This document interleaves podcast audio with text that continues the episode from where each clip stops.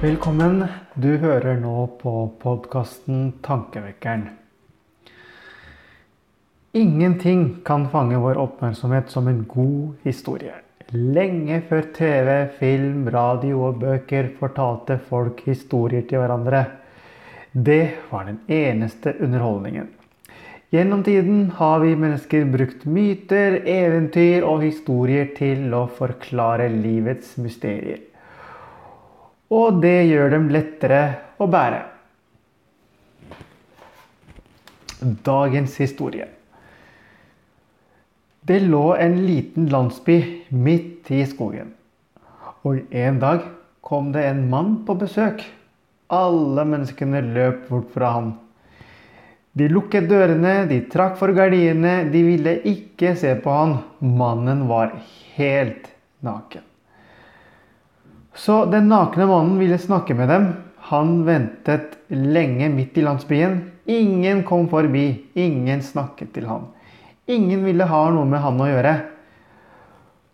Da gikk han ensom og trist ut i skogen. Neste dag kom en kvinne til landsbyen. Menneskene flokket seg rundt henne. De møtte blikket hennes, de smilte til henne og, lyttet til det hun hadde å si. De fikk ikke nok og ville ikke la henne gå. Kvinnen hadde på seg en stor, fargerik kappe. Da kvinnen etter hvert gikk ut i skogen, fikk hun se et bål. Den nakne mannen som satt ensom ved bålet. Kvinnen så at han var trist. Hun gikk bort til han og spurte hva han het.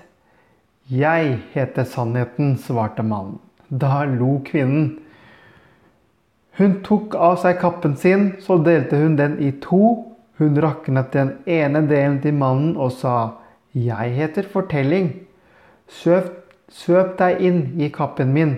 Den er laget av eventyr og historier. Og fabler og legender. Av myter og lignelser. Du skjønner det, min venn.